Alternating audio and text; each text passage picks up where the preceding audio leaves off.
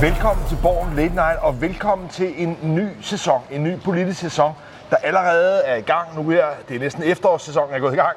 Men lad os begynde med en god nyhed. Fordi fremover, ja, der kommer Borgen Late Night hver uge, hver tirsdag. Men lad mig lige først præsentere menuen i dag. Vi har i virkeligheden tre presserende aktuelle emner. Det første, det er den jo ret kaotiske retræte fra Afghanistan, hvor regeringen også er blevet fanget på hælene politisk. Og så skal vi tale om øh, Morten Messerschmidt, som øh, i fredags jo fik en opsigtsvækkende øh, dom i den her Meldt sag i, øh, i, i byretten. Det er jo en øh, forløbig dom. Øh, han har anket den, men øh, det får allerede visse implikationer øh, på hans politiske karriere. Eller så gør det ikke.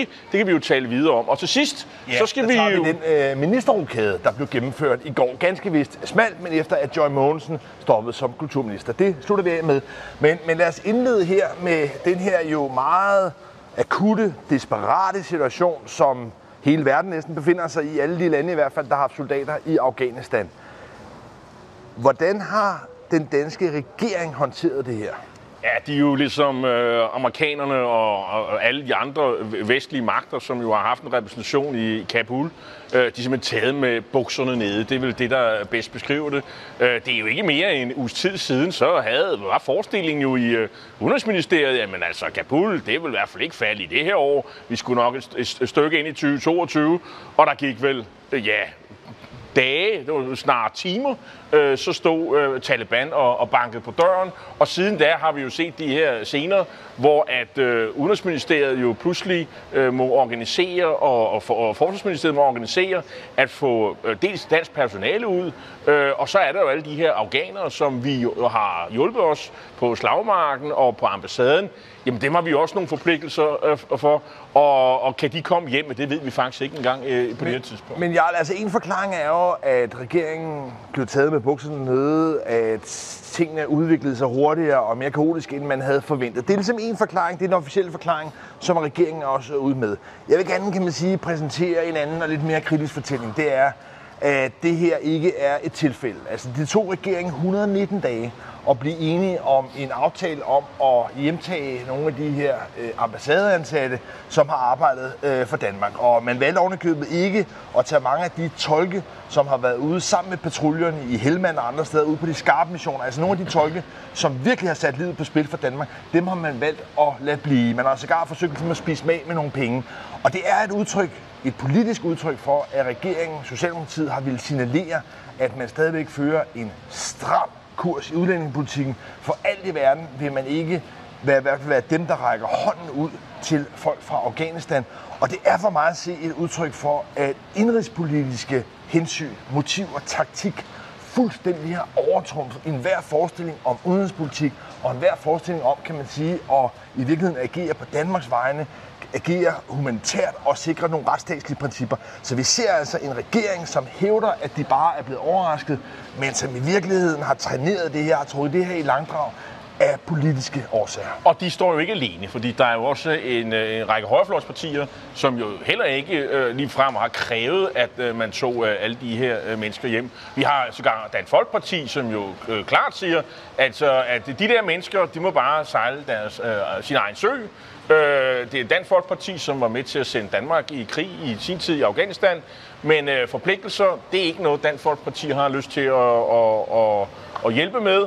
Øh, de må simpelthen bare klare sig selv. Øh, det er jo bare ærgerligt. Øh, så man kan sige, det er jo ikke et synspunkt, regeringen øh, står alene med det her med, at øh, man er meget varsom med at, at forpligte sig til at tage nogle mennesker ind øh, i, i, det danske samfund, som jo men et eller andet sted, eller det mener jeg i hvert fald, det er der også mange andre, der gør, øh, specielt folk fra hæren, folk, der har været ud, udsendt i, øh, i, i Afghanistan, Jamen, øh, og mange af dem øh, repræsenterer borgerlige partier. Der må vi jo se i debatten.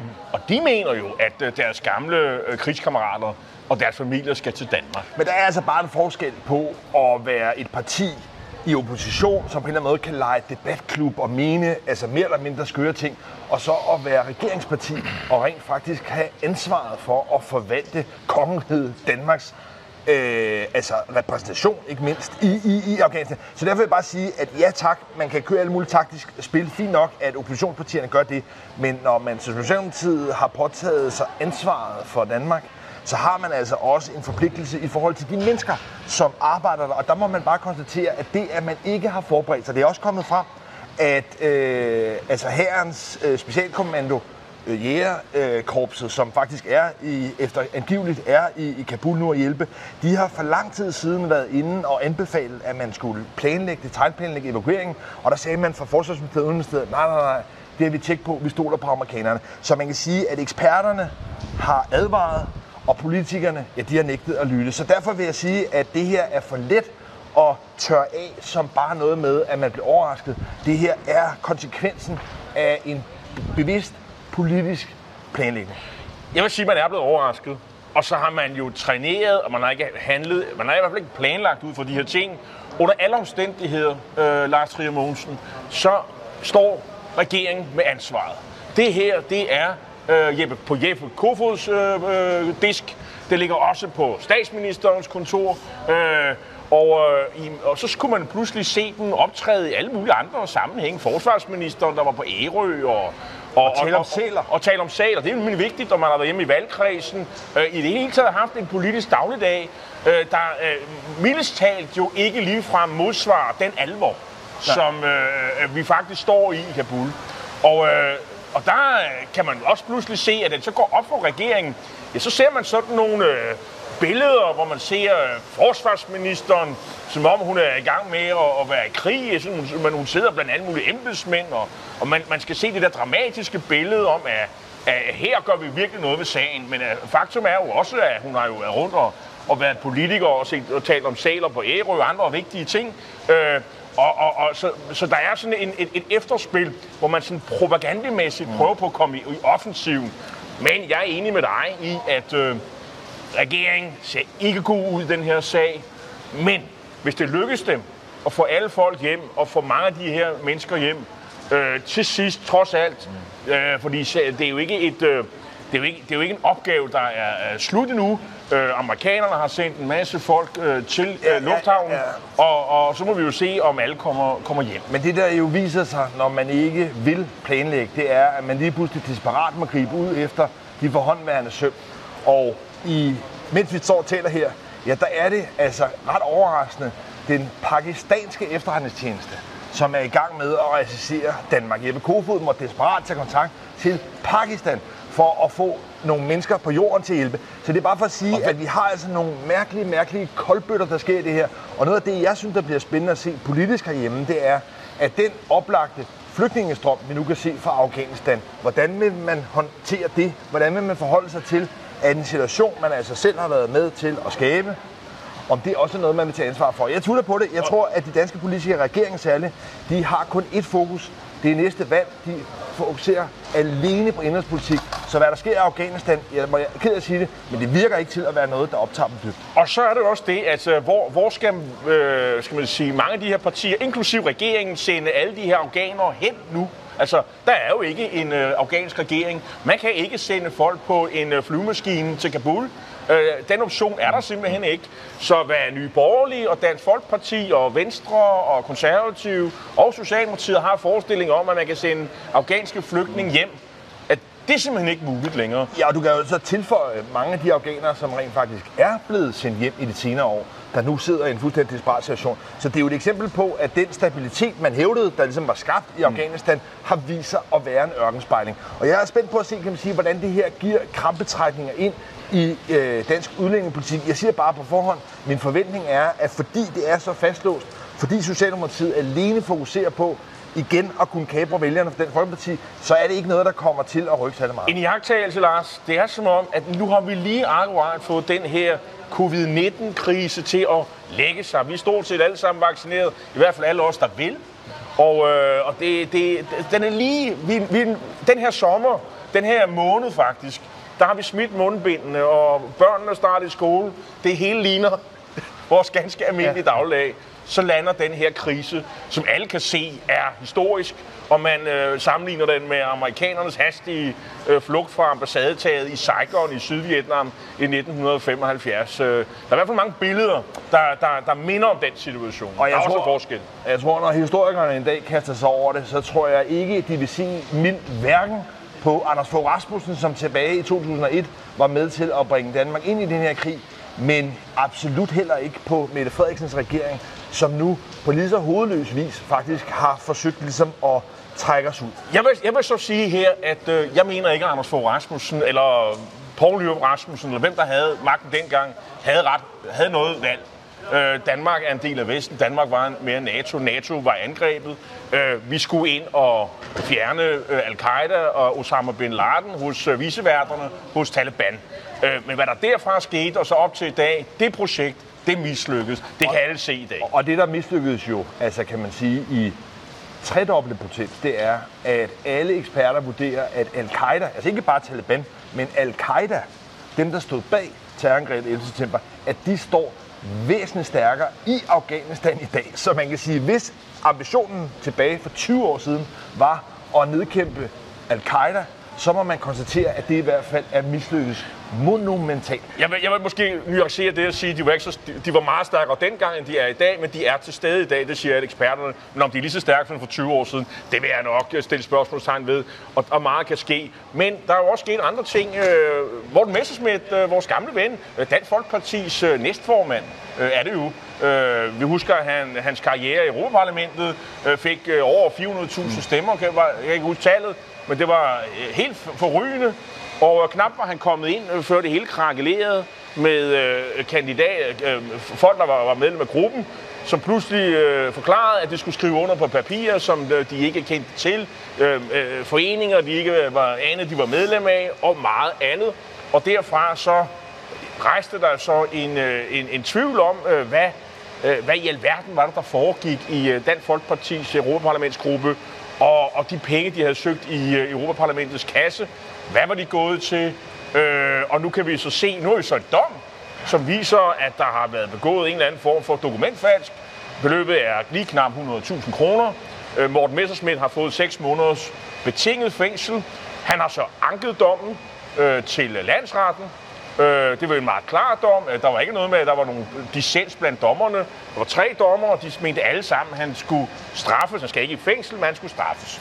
Men det er nogle gange sådan, at man er uskyldig indtil det modsatte er bevis. Det er ligesom et helt grundlæggende princip. Men til gengæld, så er det også sådan, at hvis man er kendt skyldig ved en dom, så er man altså skyldig indtil, at det er blevet omgjort ved en højere instans. Så derfor bliver man nødt til at holde fast i, at selvom at Dansk Folkeparti og Christian Thulesen Dahl og Morten Messerschmidt selv nu forsøger at spinde det derhen til, at sagen er helt oppe i luften, og ingenting er blevet besluttet. Nu må vi afvente ankesagen i landsretten. Så er bundlinjen altså, at Morten Messersmith fik en fængselsdom ved byretten, en historisk hård dom for både dokumentfalsk og for svindel med EU-midler. Og det er jo altså noget, der også kaster Dansk Folkeparti ud i det, jeg vil kalde en overlevelseskamp. For Morten Messersmith har, og nu formulerer jeg mig altså øh, tæt på datid, var, har været fremtiden for Dansk Folkeparti. Og så det, at han nu på en eller anden måde er, øh, har fået en dom, det gør altså også, at hele Dansk Folkeparti risikerer at lide den skæbne, at det begynder at blive svært at se, hvad der egentlig er deres viderefærd.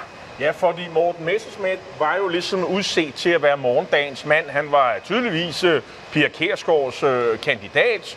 Uh, man kan sige, der er jo nok en, der går og, og hygger sig lidt i det skjulte. Det er jo nok øh, Christian Tulsendal, som på et tidspunkt kunne øh, fornemme, at, at jorden brændte under ham. Så skyndte man sig at fjerne Søren Espersen, eller han trak sig selv, og så var der pludselig plads til, til, til, til Messersmith for en stund. Nu er den her dom kommet. Det er svært at se ham som sådan en, der pludselig rejser et oprør mod, mod Christian Tulsendal. I hvert fald ikke så længe, at den her dom klæber til ham. Men hvis han nu bliver frikendt i landsretten, så kan det godt være, at han starter oprør igen. Men jeg tvivler på, at det kommer til at ske. Øh, der må også være andre, der kigger på det her og siger, der var altså noget at komme efter. Dansk Folkeparti har jo meget lang tid øh, rendt rundt og fortalt en historie om, at det var, øh, det var Olaf, det var EU, der var ude efter øh, Dansk Folkeparti, fordi de var EU-modstandere. Og, øh, og derfor så var der overhovedet ikke noget i den her sag. Og øh, Messerschmidt har jo også ligesom øh, præsenteret øh, en, øh, en forestilling om, at øh, jamen, øh, det var noget formalia, øh, han havde kommet til at skrive under på nogle papirer. Han anede faktisk ikke, hvad det var for noget. Det var noget med en assistent, der havde gjort noget. Det var noget med en forretningsfører, der var, som vi fandt så senere ud, var en steward. øh, som ikke anede noget om sådan noget øh, øh med at drive parti og andre ting. Men, men, men, men, men det var andre mennesker, der havde gjort det her. Dommen her siger, nej, det var Morten Messerschmidt, der var ansvarlig. Og hans underskrift, øh, den øh, binder altså. Og, og man gange- skal altså læse papirerne, Ja. når, det er, også når man er politiker. Men jeg vil også sige, at en af vores opgaver er jo en gang imellem, kan man sige, ligesom at prøve at få røgsløret lidt væk. Og der er ingen tvivl om, at Morten Messersmith har været dygtig til at forvirre det og skabe tvivl om, hvad det ene og det andet var. Det, der sådan set er kernen i den her sag, det er, at Dansk Folkeparti ved Morten Messersmiths initiativ fik etableret et tværeuropæisk parti. Sådan en konstruktion, de har i EU, hvor hvis man har medlemmer fra mindst en fjerdedel af alle medlemslande, så kan man få store millionbeløb. Og det, der har vist sig i rettens øh, vidneafhøringer, det er, at de mennesker, der var skrevet under, der var sådan set altså på papiret folk fra en fjerdedel af medlemslandet, der havde skrevet under på, at de var medlemmer af MELD. Det var, viser det sig, en argentiner, som Dansk Folkeparti betalte over 3 millioner kroner for at få de her folk til at skrive under. Det er alt sammen afdækket øh, i, i, i pressen. Men hvor de her mennesker altså ikke tydeligvis i deres vidneafklaringer var klar over, at de overhovedet var medlemmer MELD. Så det, der er pointen og, i det, det, her... og det der også... Nej, det er bare lige for at slutte af. Det, der er pointen i det her, det er, at man altså lavede et, ligesom man kan snakke om skuffe, øh, selskab, så lavede man i virkeligheden en form for skuffeparti, som blev støtteberettet, hvor man fik store millionbeløb. Så det er det- egentlig, det var kan man sige, formålet. det er sådan set det, der er. Det egentlige problem her, det er, at man har fået nogle folk pro forma til at være medlemmer. Det har eksempelvis nogle, været nogle byrådsmedlemmer rundt omkring Østeuropa, som altså ikke kendte til det. Et af vidnerne øh, havde aldrig hørt om Morten Messerschmidt, før han blev indkaldt som vidne. Så man har altså, kan man sige, konstrueret et parti for at kunne malke støttekroner ud, som så er blevet misbrugt. Så de her Men- 98.000 kroner, vi hørte om, det er sådan set en, en biting i forhold til den samlede konstruktion. Det er det, der har været problemet for Morten Messerschmidt. Men øh, vi så jo også andre ting, øh, og det var blandt andet en, øh, en konference, en mælkkonference, der skulle være afholdt på et øh, hotel i Skagen, hvor at øh, Dansk Folkeparti lige ved siden af havde, havde sommergruppemøde, og der havde man altså ni øh, gruppemedlemmer, som alle sammen samstemmende forklarede, i modsætning til Mogens, øh, Morten Messerschmidt, at der, havde, at der altså var sommergruppemøde. Mm. Og der var altså ikke noget meldt konference. Og, øh, og det var jo det, der også afslørede sig i, øh, i den her, i, i, i, øh, under domsforhandlingerne, afhøringerne af blandt andet Peter Skorup og øh, Christian Tulsendal, at de var meget kategoriske i, at det kendte de simpelthen ikke noget til. Og, øh, Men- og, og, men- og, der, og, og der var mente Messerschmidt jo, at der var jo altså noget, de skulle tale om. Så man fornemmer jo, at der er en enorm dårlig stemning. Ja, men jeg igen må jeg sige, altså lad os lige prøve at skralde øh, lidt spin af her, fordi var Dansk Folkepartis ledelse opmærksom på, at man havde etableret meldt, at man faktisk fik store millionbeløb fra meldt, som var en fuldstændig fiktiv konstruktion.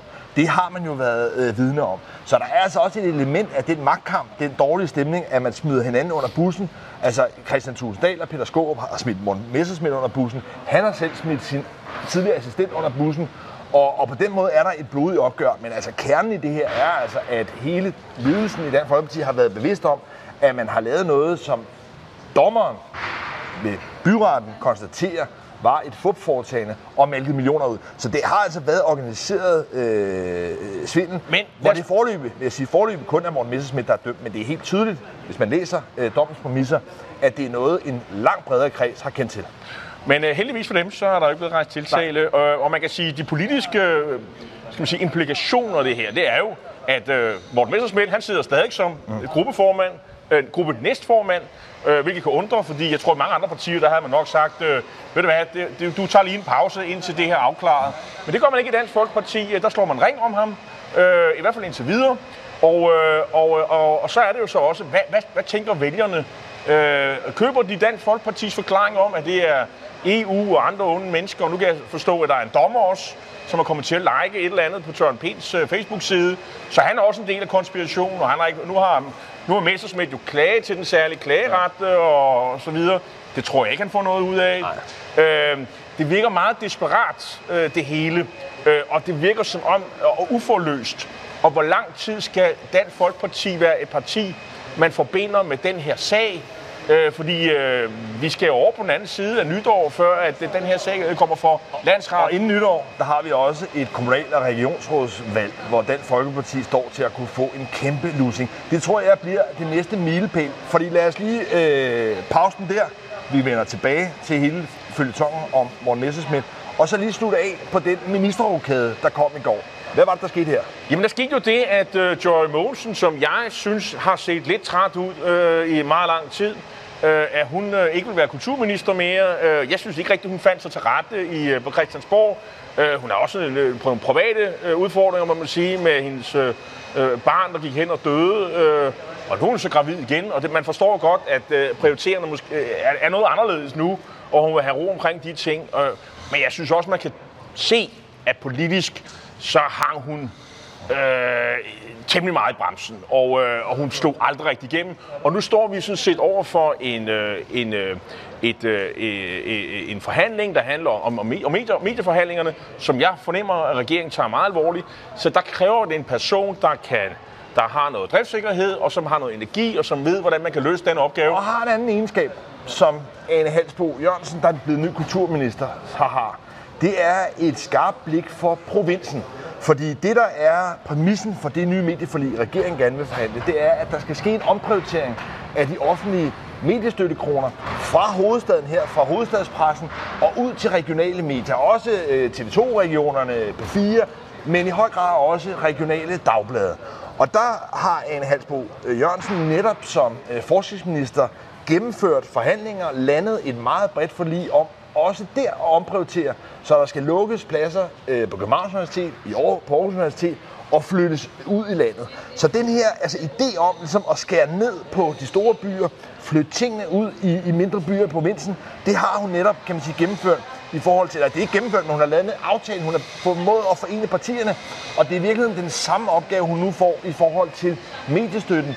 Og vi hører meget om kulturministeren, de er tit i skudlinjen, men realiteten er, at der er meget lidt lovgivningsarbejde på kulturområdet. Der er i virkeligheden kun et stort område, det er mediepolitik, og det er det, Anne Halsbo er blevet trukket ind for nu at lave den samme, kan man sige, provinsomprioritering, som hun gjorde tidligere. Men hold, så lige stopper det her. Øh, normalt, når der er sådan en kulturminister, så er der meget store forventninger i kulturlivet med, at vi får en person, øh, der helst har skrevet et par bøger, og man ofte kan opleve det kongelige teater, øh, øh, måske selv er sådan en kulturpersonlighed og, og har meninger, og må, måske som minimum har siddet nogle år i kulturudvalget, øh, eller, eller, eller været kir- øh, optaget åndelige spørgsmål, fordi Anne Halsbo blev også kirkeminister. Så, så, men de er jo altså skuffet her. Altså, de, øh, de får jo en øh, socialdemokrat, øh, fra politikerfabrikken Kanskjen Pol, hvor du jo selv har gået, og øh, som ikke rigtig har lavet andet end politik. Øh, der har været lidt sådan, noget, noget, noget konsulentarbejde i øh, fagbevægelsen, Øh, og ellers så er det en, øh, en, en politiker, som vi kender den fra regeringen, meget lidt erhvervserfaring,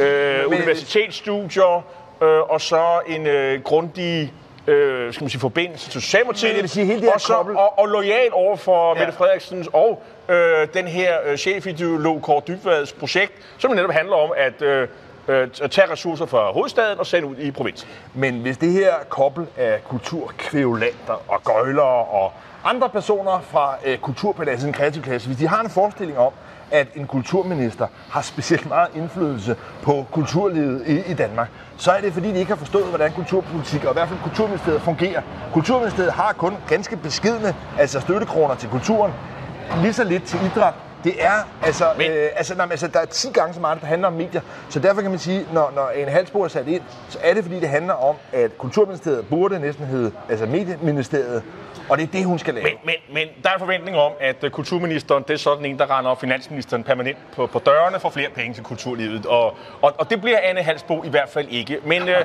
vi, har, vi har også fået, Anne Halsbo kommer fra Forskningsministeriet, og, øh, og der har vi fået en ny, øh, der er oprykning. Øh, Jesper Petersen har været politisk ordfører, han har rygtet gården øh, og været i, i, i haserne på oppositionen. Det har været en nem omgang i de her to år. Nu får han belønningen, og, øh, og så er han blevet øh, forskningsminister. Øh, og så var der ikke, hørte du ikke nogen kvinder sige, hvad med kønsbalancen? Hvad, der, der er jo en kvinde ud, og der kom en mand ind. Nu er det jo helt galt med kønsbalancen i regeringen. Jeg, jeg, jeg har hørt simpelthen ikke noget fra, fra, fra alle feminister. Er de faldet i søvn den her omgang? Det er, jo helt, det er jo helt frygteligt, fordi normalt, så er det jo noget, man holder meget i. Altså, en, øh, der er ikke for mange kvinder i regeringen, øh, og Ja, der er altså noget galt her. Jeg ved ikke, hvad det er for nogle twittertråde, du sidder og, øh, og følger med i. Det er i hvert fald ikke noget, jeg har lagt mærke til. Jeg tror mere, man skal bemærke i forhold til Jesper Petersens øh, udnævnelse, at han i virkeligheden har været et øh, meget disciplineret, øh, meget lojalt øh, partimedlem i Socialdemokratiet, jo efter han kom ind fra SF. Han var en af overløberne, og han har ligesom stået i tredje række, hvor Mathias Tesfaye, nu som udlændingeminister, og Astrid Krav som socialminister har været før mm. i køen, har fået ministerposter, der har han været nødt til at vente. Men jeg vil sige, det at han nu er blevet løftet op, gør næsten, at der er lige så mange øh, tidligere SF og regeringen nu, som der var tilbage i Helle Thornings. Hvis man i hvert fald ligger dertil, at i Augen jo efter en tur rundt med radikale, også rød over i Socialdemokratiet. Tor Møre, der var skatteminister, Ole Sohn her, også blevet socialdemokrater. Så stort set hele det ministerhold, der var fra SF tilbage, dengang Ville Søvndal, øh, Margrethe Vestager og Helle Thorning lavede regering, ja, de er nu rykket over, og flere af dem sidder til som minister. Ja, så, og han udmærker sig også ved at øh, også have gået på, på hvad hedder det, politikerfabrikken statskundskab, og, øh, og heller ikke særlig meget erhvervserfaring. Øh, så det er jo, og, så, men, og, og, og så er han jo lige så vel som de andre jo bundhammerne lojal overfor Mette Frederiksen. Det er vejen frem til at blive minister. Men det var også vejen frem til at sige tak, fordi du så med. Og som sagt, så er vi tilbage allerede på næste tirsdag. Tak fordi du så Borgen Lennart.